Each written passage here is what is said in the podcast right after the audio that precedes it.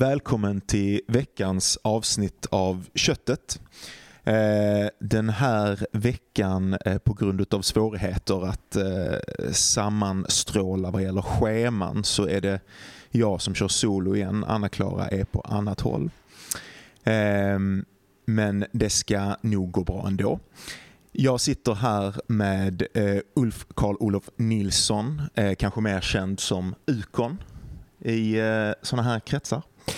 Eh, ska jag kalla dig Ulf eller Ukon? Vad är vad för tilltal? Eh, du kan kalla mig för Ulf. För Ulf, ja. Det känns bra. Det känns bra för mig också. Men man vet aldrig. Eh, Ulf är författare och poet. Kör både för scen och i tryckt form. Du har i din karriär gett ut ett 20-tal böcker. Främst poesi och essä. förutom det så är du psykolog och psykoanalytiker skriver på kultursidorna för Göteborgs-Posten och Svenska Dagbladet, sitter i redaktionen för kulturtidskrifterna Glänta och Arke och är även verksam som översättare för närvarande av den store Emily Dickinson. Känns det som en rimlig introduktion? Perfekt. Ja, vad härligt. Mycket nöjd. um, och då börjar jag med alltså, den bredaste eh, möjliga frågan. Varför skriver du? Det... Uh, jag tror inte att uh, man kan svara på den frågan egentligen. Ehm, det är ju förmodligen någon slags behov, någon form av inre behov som jag tänker har funnits redan från början. Eh, antagligen så täcker det, alltså själva idén om att säga någonting på papper eller, eller i poesins form. Alltså på ett annat sätt. Säger förmodligen någonting om eh, en människas eh, existentiella betingelser, lidande. Eh, där, det kan vara, där poesin kan vara liksom ett sätt att uttrycka någon form av inre drama i en annan form. Alltså in, inte en helt rak och tillgänglig form utan på ett annat sätt. Så delvis är det också en gåta för mig själv. Det, det är på sätt och vis också där, och om man kom fram till exakt varför man skrev så skulle man mm. förmodligen sluta skriva. Just det. Och då ställer jag en fråga som är nästan samma men kanske annorlunda. Ja. Vad tror du att du gör? När du skriver? Uh, ja, alltså det är också, jag tror att jag gör många saker. Delvis så tror jag faktiskt att det är en lek. Uh, det är en frihet eh, där eh, man kan helt enkelt hitta på någonting. Um, ibland så tror jag inte att jag eh, vet vad jag gör. Eh, man provar. Eh, det är som att skjuta liksom ett hagelgevär någonstans och så sen så kollar man om man har träffat En ukonsk bild. så, så kollar man om man har träffat någon, någon gammal duva som har rasat ner. Eh, så man, man prövar någonting.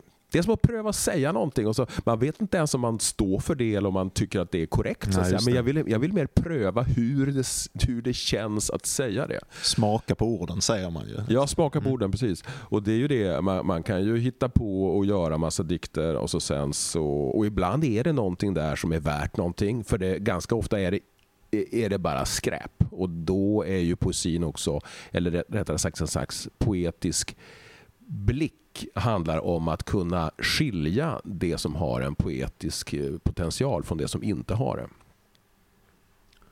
Just det. Och hur uttrycker sig den blicken för dig i ögonblicket? När du, hur, hur gör ja. du det valet? Ja, ja, ja. Du vet så här, alltså, på ett sätt så skulle man kunna skriva... Det finns, det finns en del poeter som skriver, vad ska vi kalla det, inifrån och ut. Och andra som skriver utifrån och in. Och Den som skriver inifrån och ut tänker jag mig, det är, då, det är liksom bilden av poeten som sitter på sin kammare med penna i hand och försöker liksom komma på någonting som uttrycker en, en, ett, ett, ja, men det jag sa nyss, liksom typ ett inre drama eller någonting annat. Man kan också skriva utifrån och in, det vill säga det handlar mer om att känna igen någonting, att sålla bort det skräpet från det som inte är skräp. Eh, och då att liksom plocka in de ord eller delar eller meningar eller vad det nu är. Det kan ju vara en, en bild också. Eh, som har någon slags poetisk potential att tänka det här, det här gör jag till mitt. Här, här löper ju förvisso då, eh, åtminstone den poet som skriver just utifrån och in, risken att, att appropriera någonting. Det vill säga vi tar över någonting som, som jag vet inte, i någon slags moralisk mening eller på, att, på annat sätt är, är tveksamt om vi ska göra. Ja, det var många, många jag tänker att det var... jag svarar på många sätt. Ja, visst. Um, jag ska säga det också, man, man kommer nog höra eh, lite folk röra sig här i bakgrunden. Vi sitter på Café eh, Incognito i eh, Lund som har varit väldigt schyssta och låtit oss komma in här och köra eh, innan de öppnar faktiskt. Så vi sitter här eh, i en eh, spöklikt stilla kafémiljö. men så här då, hur ser, hur ser ditt vardagliga skrivande ut? På rutinens mm, nivå? Ja, jag kanske ska börja från början. Alltså hur, hur, det var, hur det var eh, när jag... Eh, jag var liksom inte någon speciellt läsande människa när jag var eh, tonåring. Jag läste en del grejer. Eh, ja, men jag vet inte. Eh, underhållningslitteratur ska jag säga. Eh, jag spelade handboll. Jag spelade handboll i division 1 i Umeå. Eh, så det var liksom mitt liv där.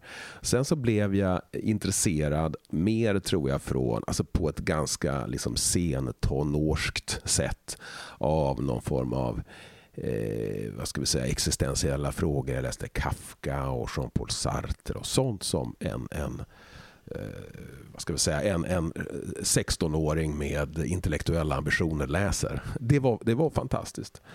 Eh, sen tänkte jag att jag skulle eh, skriva själv dikter. Uh, jag sa till många att jag skrev dikter, men jag gjorde det inte. Jag, och, så, och Då började jag läsa jättemycket. Otroligt mycket.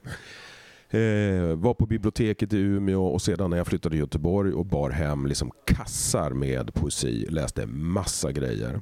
Och Sen skulle jag säga att då bodde jag ett tag med min gamla gymnasiekompis Jörgen Lind, eh, också från Umeå, som ju är poet som alla vet. Eh, vi delade en trea och han satt och skrev och jag hade då, hade då inte skrivit tidigare. Men plötsligt började jag göra det, också för att han gjorde det. Så vi satt med varsin skrivmaskin på den tiden eh, kvällarna, många, många kvällar och visade varandra dikterna och läste dem och kommenterade varandras dikter också. En fantastisk tid. Jag tror aldrig det har varit så kul liksom med, den, med det lyftet. Eh, och Sen började vi läsa ute och sen blev jag otroligt nog publicerad väldigt, väldigt snabbt. Alltså näst, det var nästan så att det var mina, mina 50 första dikter som blev tryckt i, i, i den, min första diktsamling. Då. En lycka, det är ingen som är avundsjuk på den. alltså, ja, men det var helt sjukt. Kung, kung är kung heter den första boken som kom då 1990. En väldigt bra titel tycker jag fortfarande. Jag fick verkligen till det där. Det var min morbror. Han sa alltid det när han, jag menar, när han, han kunde liksom brotta ner någon eller liksom vinna i bordtennis mot någonting så sa han liksom jag är kung, kung. Sa han. Och det, det var kul. Så här. Han var en fin person. Eh, jo, just det, det var det. Och sen så, eh, hur går det till? Eh, då satt jag förmodligen med massa diktsamlingar, på den tiden satt jag förmodligen med massa diktsamlingar framför mig på ett bord. Eh, alltså andra diktsamlingar? Andra diktsamlingar, precis. Och kollade i dem, letade efter smarta rader eller vändningar och på något sätt lät mig inspireras av det. Just det. Så väldigt nära en annans text på strukturens nivå? Liksom. Jag skulle säga alltså, nästan, en, nästan en slags imitation. Just det. Där det då, sen, får jag, sen måste man då tillägga, där, där psykoanalytiken psykoanalytikern i mig måste säga att det, hela språket är ju en imitation. Vi har ju liksom inte lärt oss vårt språk själv. Så att säga. Vi har lärt oss att tala genom att härma Eh, kanske våra föräldrar eller andra som har tagit hand om oss när vi var små. Alltså varenda jävla hostning, varenda kulturell... Alltså, allting som har med vår röst att göra är ju en slags imitativ företeelse. Eh, så jag tänker att, att jag, eller jag förmodar att många gör det också, liksom tar med sig det in i skrivandet också. Man sitter och kollar, hittar något som man tycker är bra och försöker göra det till sitt. Sen får det då, det säger sig självt, det får inte bli för, det får inte bli eh, för uppenbart. Det får inte vara snott rakt av för då är det ett citat. Så, utan man får göra någonting med det. Man kanske hittar en smart rad och så tänker man den här var bra men om jag byter ut verbet här till någonting annat så handlar det plötsligt om någonting annat. Eller jag skiftar på eh, riktningen på det hela. Om ett jag talar till ett du så kan det talas någon annanstans ifrån. Tänk om det är liksom en blomma som säger den här raden som, som bla bla bla säger i Kafkas eh, hunger, svältkonstnären. Och vad, vad är det som...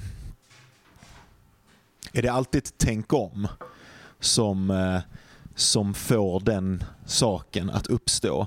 Eller finns det liksom, vad, vad är det här intresset för att ändra utsägelsepositionen eller ändra vem det är som talar och som, vad, vad är det som det berör att den förändringen sker i dig?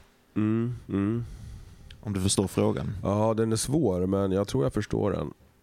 Um alltså, på, på, på, psykoanalytiska, vad är det för begär som det ger uttryck för att ändra, att, att, att, att, att göra en sån förändring? Att gå in och, och byta i någon annans i någon annans språk eller att ändra någonting som redan finns. Vad är det som det, vad, vad känner du att det ger uttryck för? Ja. Eh, alltså frågan är i vilken utsträckning det är en inre fråga. Det, det är ju, eh, dels är det ju dels är det något som, eh, så här då. Eh, det intressanta i det, det är... Det, dels så tror jag inte man kan veta det innan. Utan man prövar och så ser man vad är det som händer. Eh, om jag, eh, som jag gjorde en gång, jag läste min, min svärfars eh, bok om, om vapenlagen vapenlagen och så sen så bytte jag ut ordet, alltså när man då kan förlora rätten att bära vapen. Och så bytte jag ut ordet vapen mot namn. Alltså när, man då, när en människa förlorar rätten att använda sitt namn. Eh, och det var väl ingenting som jag hade liksom tänkt att det skulle bli så intressant. Eller, jag kom på den idén och så tänker man, vad, vad, vad händer med det här nu? Eh, där det nästan kan bli en slags upplevelse i sig att följa med Alltså att följa med i dikten. Medan jag skriver dikten så ser jag Oj, den här meningen blev roligt. Mm. Eh, man kan förlora sitt namn under de här och de här omständigheterna. Eh, så på sätt och vis är det, är det en... Att överraskas av någon slags effekt. Ja, det är det. Ja. Och det, det, ska säga, det är också ett, ett eh,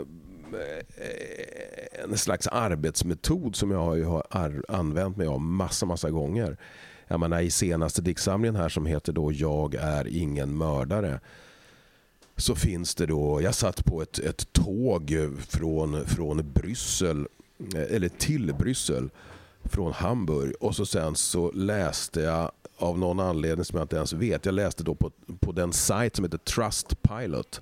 Eh, alltså ja, där, där, man gör, man gör liksom ja, folk skriver olika eh, recensioner kan man säga av, av hotell och restauranger och så vidare. Och så tänkte jag, men jag, jag byter ut hotellen här mot andra saker. Till exempel Dödshjälp AB eller, eller Poesi AB. Uh, eh, och Det var heller inte någonting som, man då, som jag då på ett uppenbart sätt liksom visste vad som skulle hända med dikterna när Eh, alltså när jag gjorde det. Men jag märker under tiden att det här blir kul. Liksom. Eller inte bara kul, det är också, det är också hemskt. Så att säga. Det är ett, vem som helst kan ju märka efter ett tag att det är ett skämt. Men det är också mer än ett skämt. Det är liksom inte bara en, en, en Göteborgsvits. Så att säga, utan det är ofta då ett skämt som är jag menar, att recensera Dödshjälp AB. Jag och min fru, jag och min dementa fru var väldigt nöjd med hennes morgonhjälp, skriver, säger en person då. Alltså det är också att eh, vad ska jag säga? Det är ett skämt som blir obehagligt. Eh, det, det, finns nästan en, alltså en dramatisk kurva tänker jag i en del av de här mer humoristiska dikterna. Att det liksom börjar ganska, att dikten börjar som, ja, men, som någonting roligt eller som någonting som man eh, sticker ut eller man lägger märke till. Men sen så blir eh, skämtet med, jag tar liksom skämtet för långt. Eh, och, och, Jag tänker att eh, läsaren eller lyssnaren ska då på slutet av dikten nästan känna ett, ett obehag. Också nästan skämmas för att man själv har skrattat. man skrattar i början av dikten. Sen i slutet av dikten ska man skämmas för att man har skrattat. är läsaren alltid med dig i skrivhandlingen? Alltså skriver du för nu ska jag överraska den här läsaren och nu ska jag göra det där. Mm. Snarare än jag föreställer mig att någon kanske väldigt mycket uttry försöker uttrycka någonting nästan solipsistiskt och sen gör man det. Ja, just det. Alltså, på ett sätt så handlar det också om att, att nästan överraska sig själv eftersom jag inte vet vad som händer mm. eh, innan. Så att i, i, när det funkar, ja, men sen är det ju liksom, eh, hundratals timmar där man försöker komma på grejer som inte blir bra. Och, och då måste man ju ha omdöme nog och sortera bort det. Eh, men när det blir bra så är det då Först är det nog en överraskning för mig själv.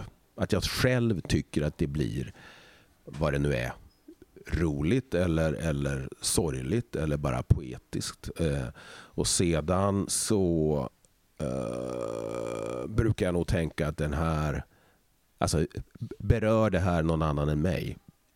Eh, så att det... Är det i selektionsprocessen då, vilka dikter som fungerar mot vilka dikter som inte fungerar? Eller var sker den här frågan av berör det här någon annan än mig? Är det i själva skapandet eller är det i när du funderar över vad som faktiskt ska komma till någon annan? Ja, det är bra, väldigt bra fråga. Du vet, så här, nya frågor som jag inte ens har, har tänkt. Det är vad jag försöker ja, ha som min. Det är, det är mycket bra. Ja, det är mycket bra. eh, jag, tror, jag tror, men det här, jag, jag, du vet, man, man prövar att säga någonting och se hur det känns. Ja, men jag tror att det, det sker eh, parallellt. Säg gärna om du ljuger också, det vore ju härligt. det är självfallet. det är så man, det är så, man kommer på det sedan, så här, jävlar för fem minuter sedan ljög jag, förstod jag just nu. Jag förstod inte när jag gjorde det. Nej, det, var liksom, det var min mun som, som eh, ljög åt mig, men min hjärna förstod det inte.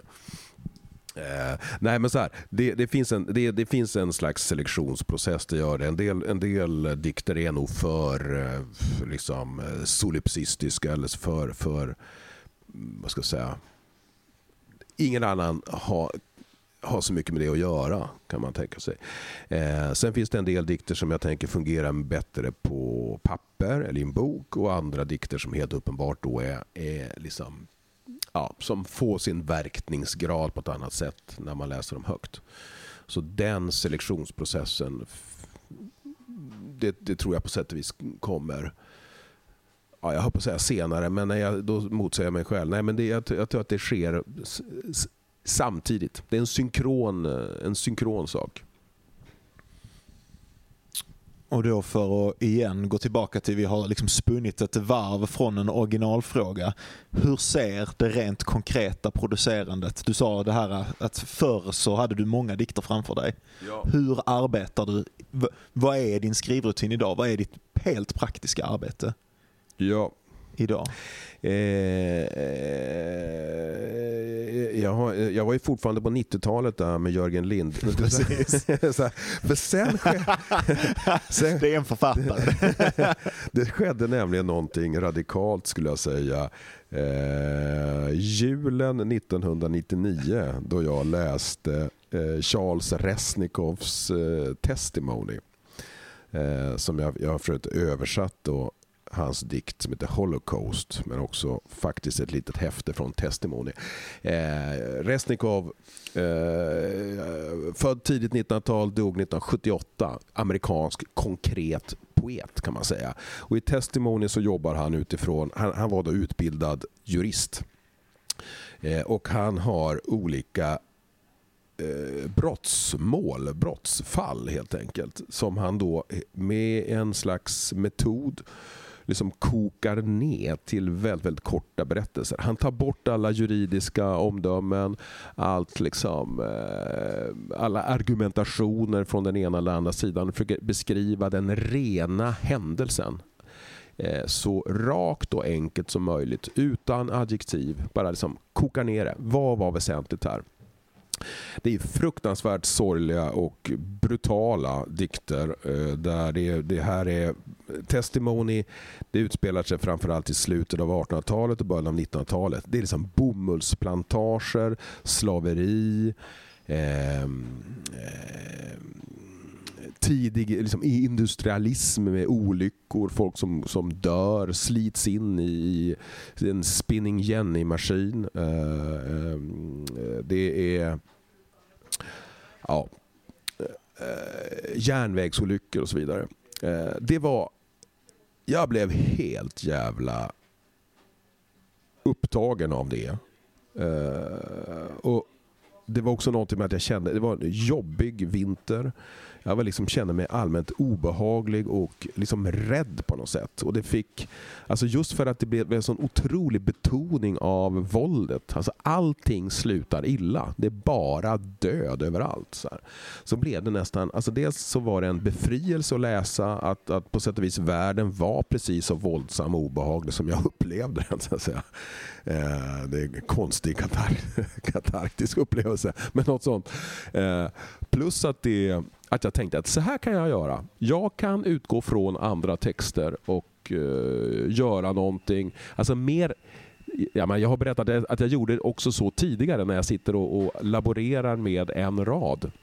Men jag förstod också att jag kan ta eh, stora texter, långa texter och på något sätt arbeta med dem. Så jag kokade ner till exempel Iliaden till en mycket kort dikt. Jag kokade ner, eh, jag gjorde en, en homofonisk översättning av eh, Bibelns första 32 verser. Det vill säga en homofonisk, en, en översättning av eh, från hebreiskan.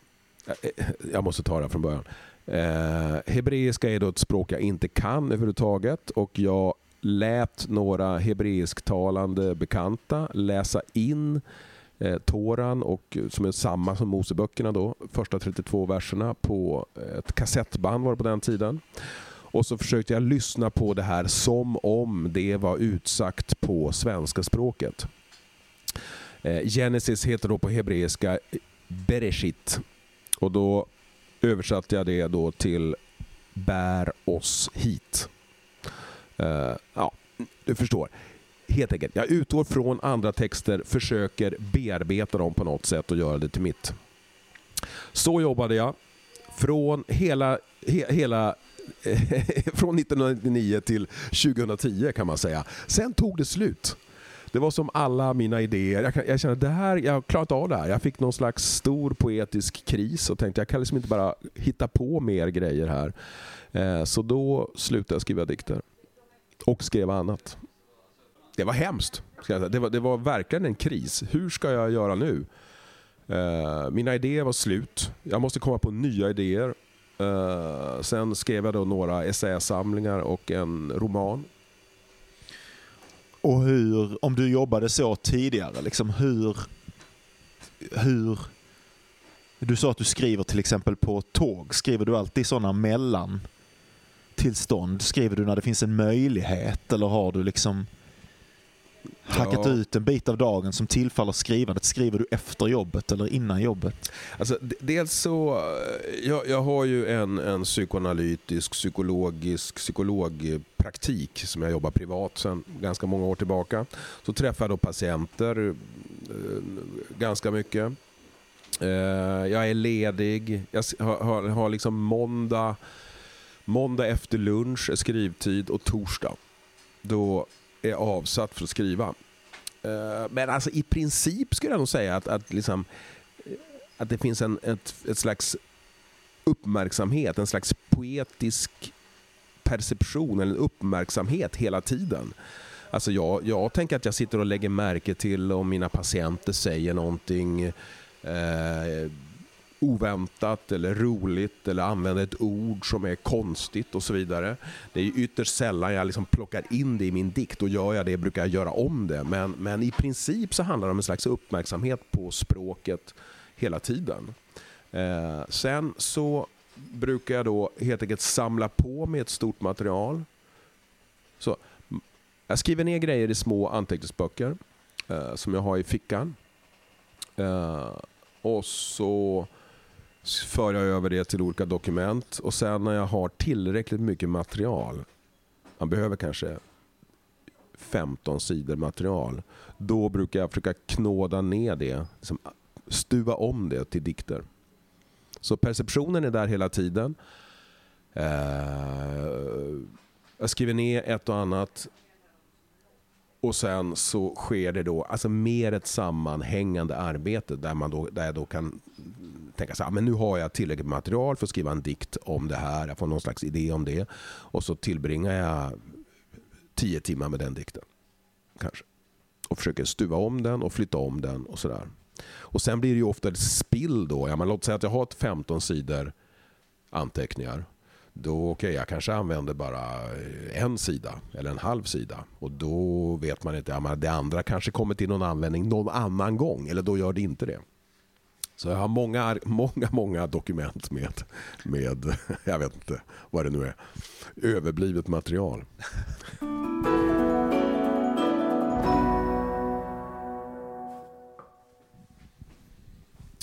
Uh, jag kom på några grejer jag måste säga om, om skrivandet funktion.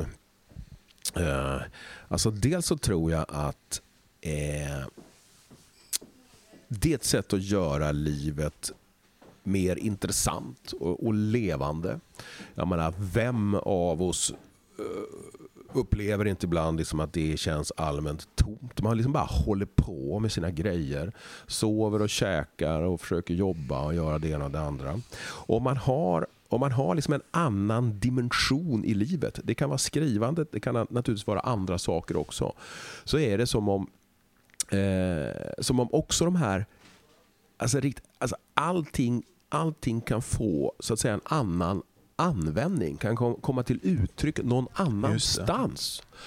Eh, man kan ju ha världens mest meningslösaste, mest meningslösa upplevelse. Man kan stå och typ vänta på bussen. Bussen är försenad 30 minuter. Och så tänker man, det här är ju helt kast. Liksom. Det finns ingenting meningsfullt eller stimulerande med detta. Så här. Men om man har en annan verksamhet, när man har en annan blick på det hela så går det åtminstone potentiellt att använda till någonting. Sen är det ju då handen på hjärtat, jag menar 99,9% av alla de här grejerna kommer ju aldrig, får aldrig någon egentlig gestaltning så att säga. Det är ytterst svårt tror jag att skriva en dikt om att bussen kommer 30 minuter för sent. Men bara själva möjligheten att den skulle kunna göra det eh, eh gör Eh, det, man skulle kunna tänka att det är en slags poetisk alkemi. Alltså där det riktigt ruttna, usla ändå kan bli guld. Så att säga. Nu ställer jag en fråga som egentligen går av eh, ämnet eh, som vi brukar behandla här lite grann, men jag vill ändå ställa den. Är det alltid en vinst? Alltså att det där bussväntandet kläs i en, ett språk. Nej, det är mycket bra att du säger det. Det är det faktiskt inte. Uh, jag tror inte, jag menar, jag, förvisso är jag psykolog och så vidare, men jag tror inte liksom att skrivandet i sig är liksom en slags eh, jag vet inte, har, har någonting med lycka att göra. Det kan såklart vara en vinst, men jag tänker mig också att det kan vara ett, ett gift och att det kan rent av förstöra våra liv. Jag menar, hur många av oss är det inte som har tillbringat liksom, hur många timmar som helst med att försöka skriva någonting och antingen så blir det helt enkelt inte bra. det blir för dåligt och så blir man besviken. Eh, eller då så eh, tror jag man skulle kunna skriva sig själv olycklig också. I den meningen så är ju, är ju skrivandet då med det grekiska ordet, det är farmakon. Det är både, det är både gift och botemedel för vårt inre liv. Vi förlägger någon, någonting som ändå i någon mening är inre i ett yttre. Och vi kan se det, vi kan betrakta det på ett sätt. Eh, det vi läser eh, kan mycket väl också leda in oss på, eh, vad ska vi säga, både på, mot dödsdriften ska jag säga. Jag hoppar från en sak till en annan. När vi pratade här innan så sa du till mig, och det här liknar den här frågan jag sa om, eller frågade om läsaren, men kanske lite annorlunda. Ehm,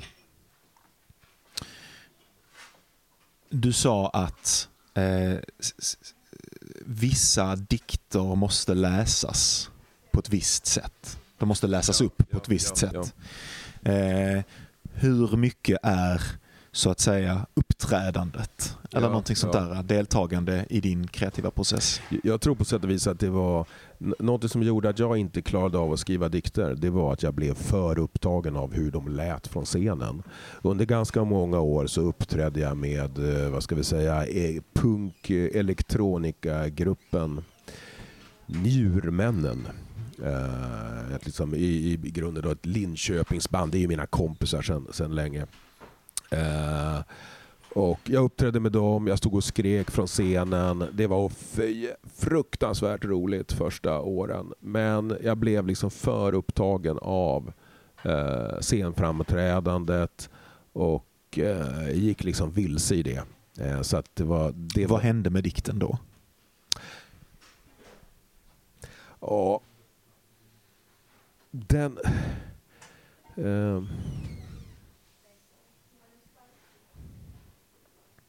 jag tror på sätt och vis att jag hamnade i någon slags förutsägbar mall. Det skulle vara någonting som var liksom catchy och klatschigt och kanske aggressivt på något sätt. Något, något slags... Eh, Alltså som, som naturligtvis då speglar någon form av eh, estetik som jag gillar. Men det liksom blev för mycket av det. Uh, Låttexten kan ju ha något så nästan sloganartat över sig ja, ibland. Mm. Ja. Ja, och, jag har verkligen ingenting emot uh, vad ska vi säga, plakatpoesi egentligen. Men, men det kan liksom inte bara vara plakatpoesi.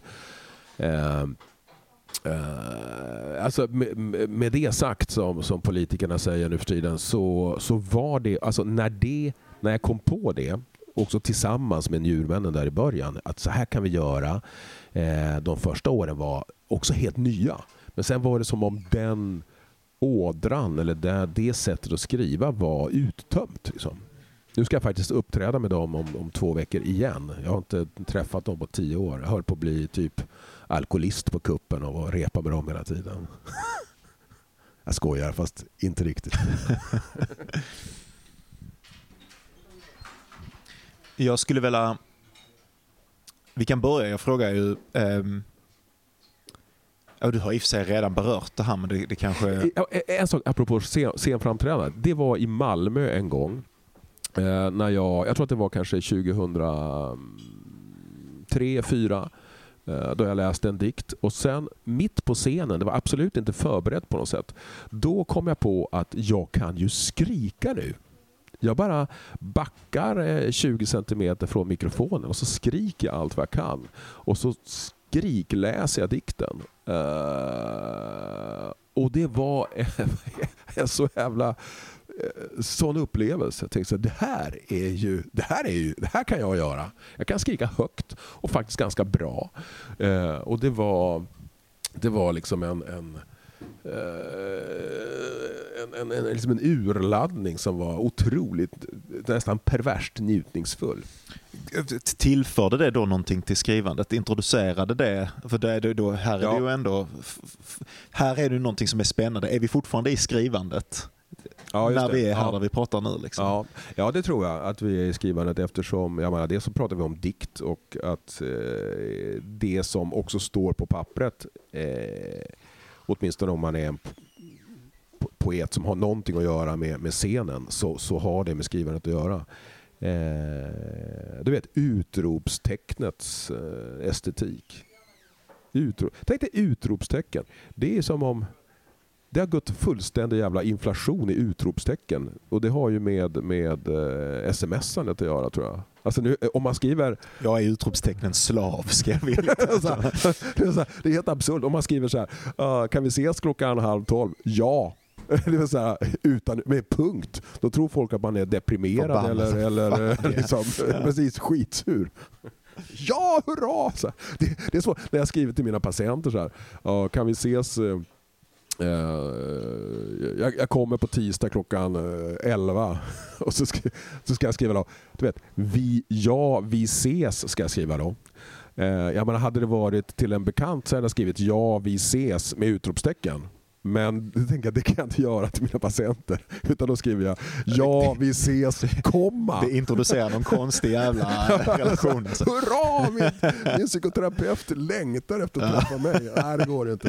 Um, du, du sa tidigare uh, hur, um, alltså, hur, på ett sätt som lyssnandet då i och med att du jobbar med lyssnandet, att du lyssnar och så hör du liksom intressanta fraser eller du hör någonting underligt som eh, som en patient säger eller något sånt där och, och så kan det ta sig in i ditt skrivande. Har det här lyssnandet eh, som du har fostrat, eh, vänds det så att säga mot dig själv också? Mm, ja, det gör det.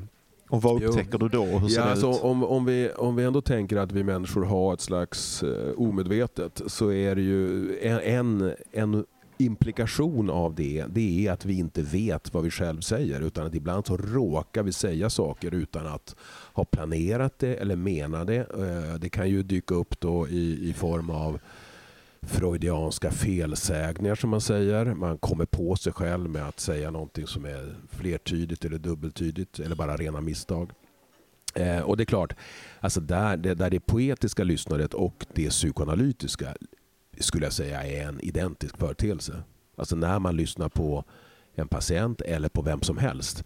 Att då vara, ha en slags lyhördhet för det tvetydiga, det flertydiga, det är motsägelser, paradoxer och så vidare. Och absolut, så, så tränade är jag också i, efter jag har gått i, i psykoterapi från 1989 till 2000 vad var det, 15. Så det är många år i, 25 år i psykoanalys. Mycket har språkliggjorts. det finns fast mycket att prata om. eh, jo, nej, och som ju var en slags träning i att lyssna på sina egna eh, motsägelser, bland annat. Och hur tar sig det, är det det lyssnandet som sen tillåter den här selektionsprocessen som vi har pratat om att ske? Att man känner igen vad någonting har blivit sagt utanför det man menade att säga? Eller är det någonting sånt? Som... Ja, på sätt och vis är det det. Sen får man ju säga att, att också, det här, också den här försöken att vara lyhörd inför det motsägelsefulla eller ja, det som sticker fram på något sätt. Det kan ju också bli någonting förutsägbart i det. Att man har sin jag vet inte, man har sin stil. Det tror jag man har. Man, en människa har sin stil, sitt sätt att lyssna, sitt sätt att tala, sitt, sitt idiom, sitt idiolekt på något sätt. Uh, och, och det svåra, men också möjligheten i det, det är att försöka jag vet inte, försöka förändra det eller lyssna på ett annat sätt. Eller nu ska jag... Eh, och, och, och jag vet inte hur man gör det heller. Uh, ibland, ibland så bara dyker det upp Alltså det dyker upp en ny idé, eller dyker upp någonting nytt och så tänker jag, fan en ny tanke, det här har inte jag tänkt förut. Uh, det, här, det här är, av någon anledning är det här intressant. Uh, men det är ju, du vet, också det nya kan bli förutsägbart. Tänk, ja, tänk, tänk, tänk en person som alltid är upptagen av det nya, nya, nya, nya. Det finns ju ingenting nytt i det. det, det blir, också det blir slitet. Liksom. Ja, visst.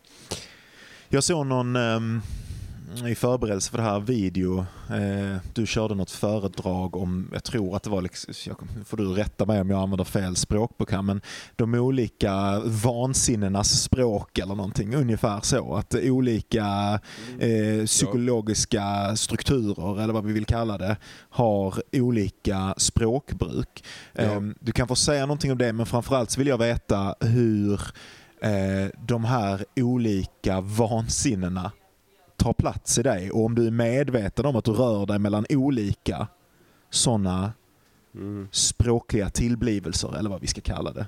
Ja, just det. Just det. Ja, jag vill kanske invända mot vansinnena där. Det är ju... Det är ju det är ett hårt du, vet, du vet, på sätt och vis är det så, men på ett sätt så är det också helt allmängiltiga företeelser. Jag menar, om, vi, om jag talar är vansinnet om... inte allmängiltigt?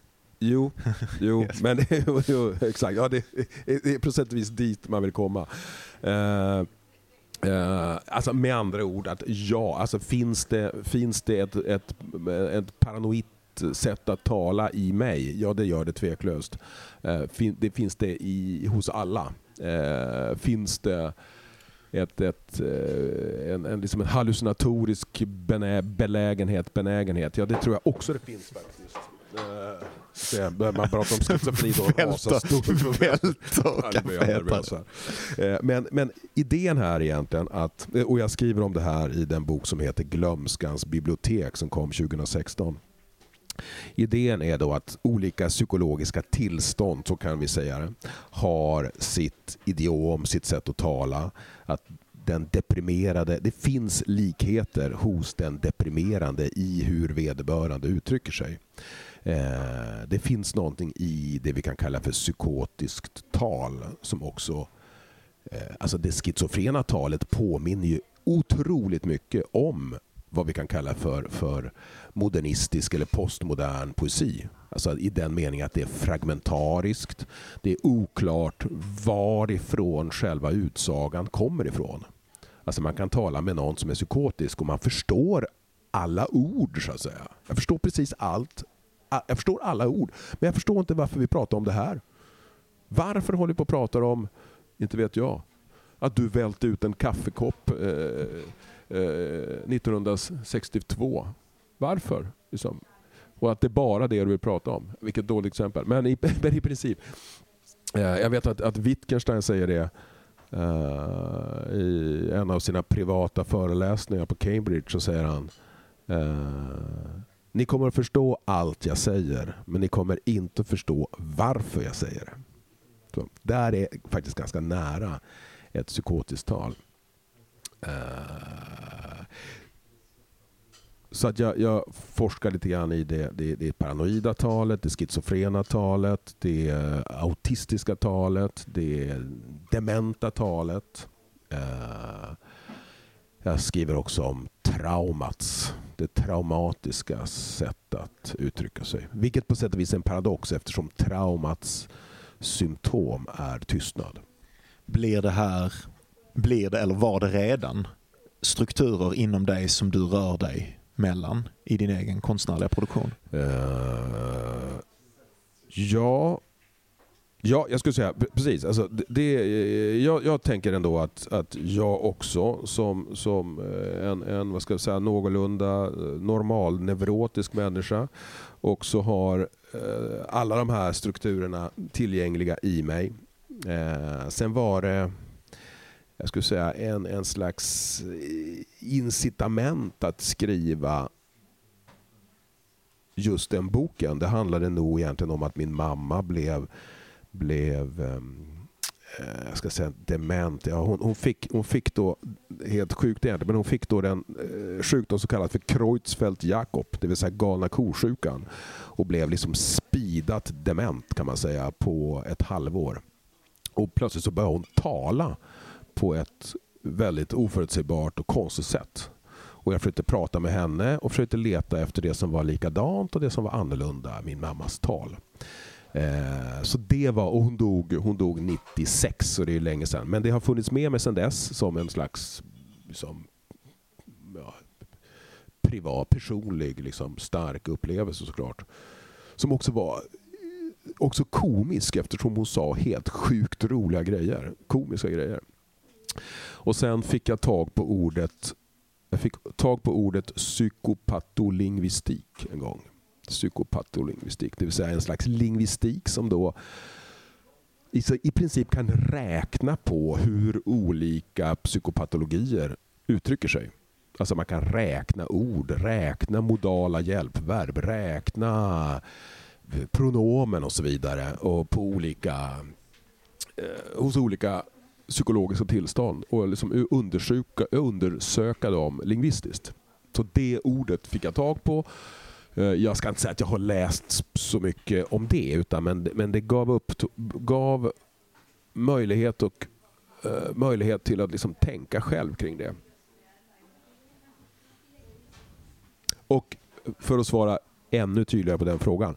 Eh, finner jag också dessa språkliga tillstånd i mig själv? Absolut. Absolut. Också det dementa. Vi... Ja, men fan, drick fyra öl. Ja, då kommer det dementa fram direkt. där är det. um, du jobbar också just nu med, eh, eller du jobbar med översättning också. Ja. Eh, och Det har vi pratat om ibland tidigare med några av våra gäster på den här podden. För det är ett ganska intressant möte med text och en skrivhandling helt i sig själv. Liksom, men på lite andra premisser än, eller på väldigt andra möjligen premisser än den vanliga skrivhandlingen. Ja. Eh, du jobbar just nu med Emily Dickinson som är ett special mm. Alltså som, som, som har betytt väldigt mycket för mig, och, men som ju um, jag nog inte begriper alls. Så därför så är det en särskilt intressant poet, mm. tänker jag jobba med. Också ökänt. Harold Bloom har väl typ sagt sådär att det är den svåraste poeten som finns. Det, hon, är, hon är den mest kognitivt eh, svåra poeten eh, besides Shakespeare. Vill du säga någonting om hur det ser ut att jobba med en av hennes texter för dig? Ja, Först måste jag säga att jag översätter tillsammans med ja. Jenny Tunedal. Och det är ju... Uh, är det en det, dialogisk översättning då? Så sitter ni... Uh, ja, för det mesta. Uh, nu har ju hon dessvärre flyttat till Stockholm så vi sitter på länk nu. Uh, ja, ibland så är jag i Stockholm, ibland är hon i Göteborg. Jag bor i, jag bor i Göteborg. Så att, men men uh, länge så, så träffades vi på min mottagning och satt i timmar så att säga, och pratade om dikterna. och, och diskuterade olika versioner och möjligheter att översätta. Eh, men, men eh, det var egentligen jag som jag kom på att jag ville översätta Dickinson för att jag hade läst henne och där själva översättningen också var ett sätt att helt enkelt förstå henne. Vad är det hon säger? Jag måste liksom, jag måste liksom översätta dikten ja, för att liksom begripliggöra bara liksom själva innehållet i den. Eh, och då gjorde jag det. Eh, och så sen så kan man, ska jag då... Dickinson vill inte publicera sig. Hon publicerade kanske sju, åtta dikter under hela sin levnad. Istället så skrev hon ner dikter och la i en kista.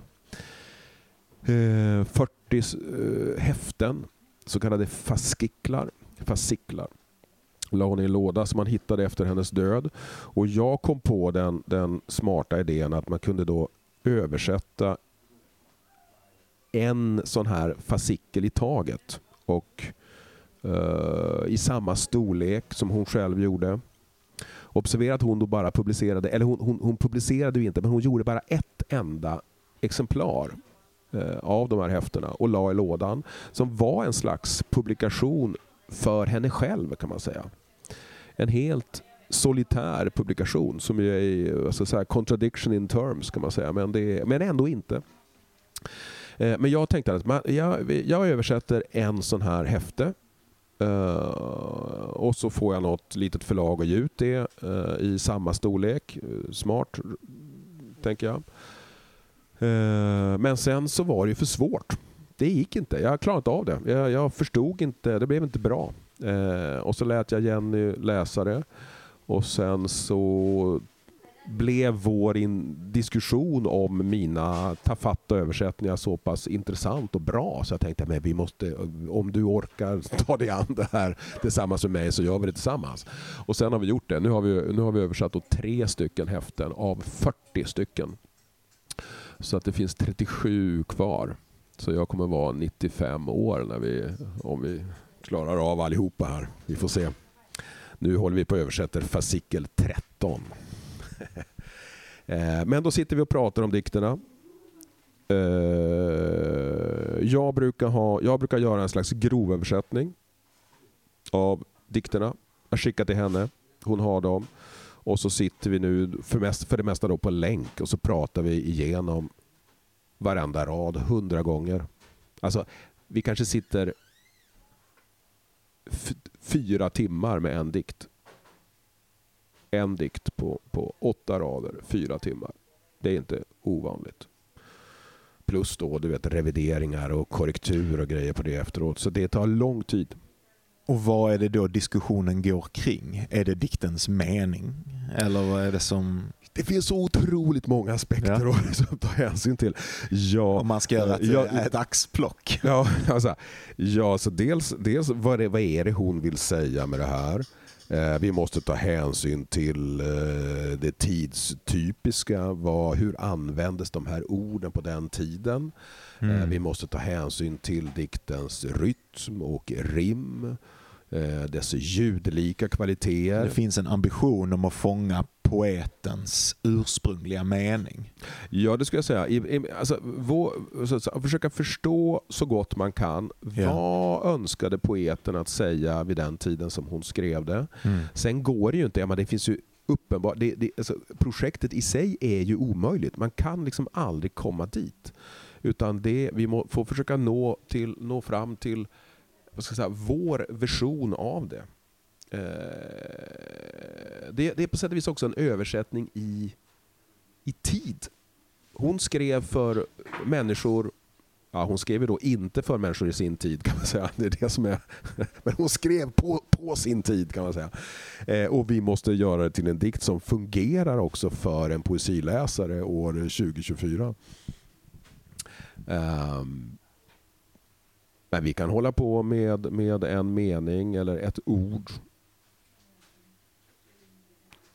jag vet inte, ibland, ibland, vi kan hålla på en timme med ett ord. Man liksom letar synonymer och man måste såklart också ta hänsyn till hur det ordet korresponderar med andra rader i den dikten och med andra dikter i den fasiken och i andra dikter i det häftet och så vidare. Eller förlåt, i, i, det, i hela hennes författarskap.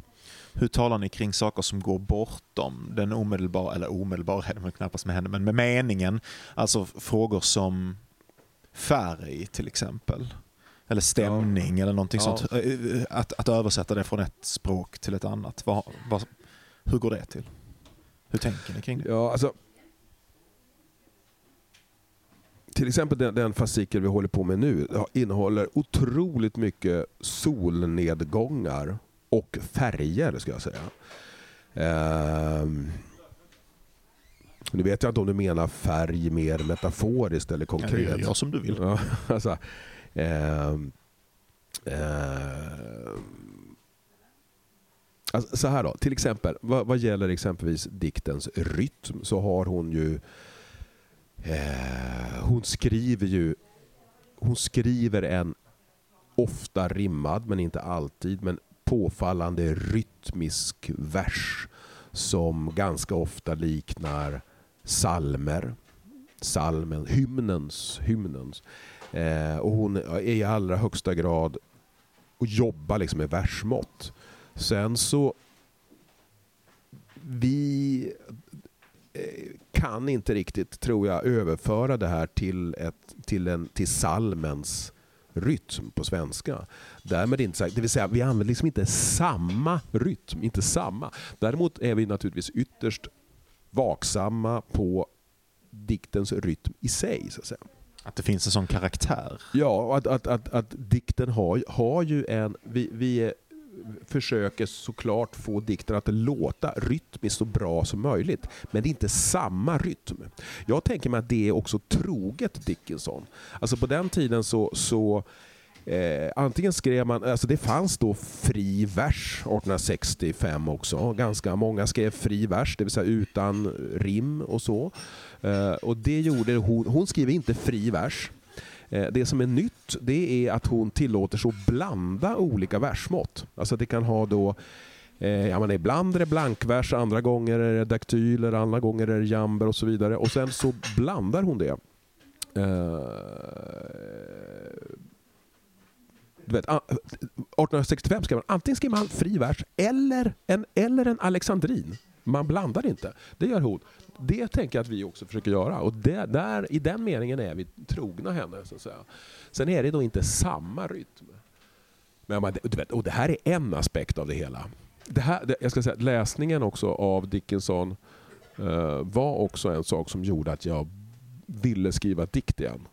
Jag menar, som jag sa tidigare, från 2010, 11 till 2017 kanske, så skrev jag nästan inga dikter. Eh, sen började jag läsa Dickinson och då blev jag sugen på att göra det igen.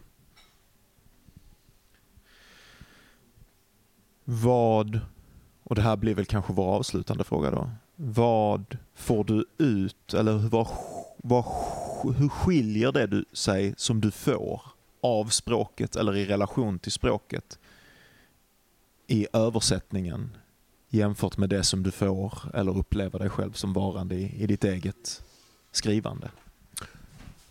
Alltså, på ett sätt är ju, är ju översättningen enklare eftersom det finns en förlaga.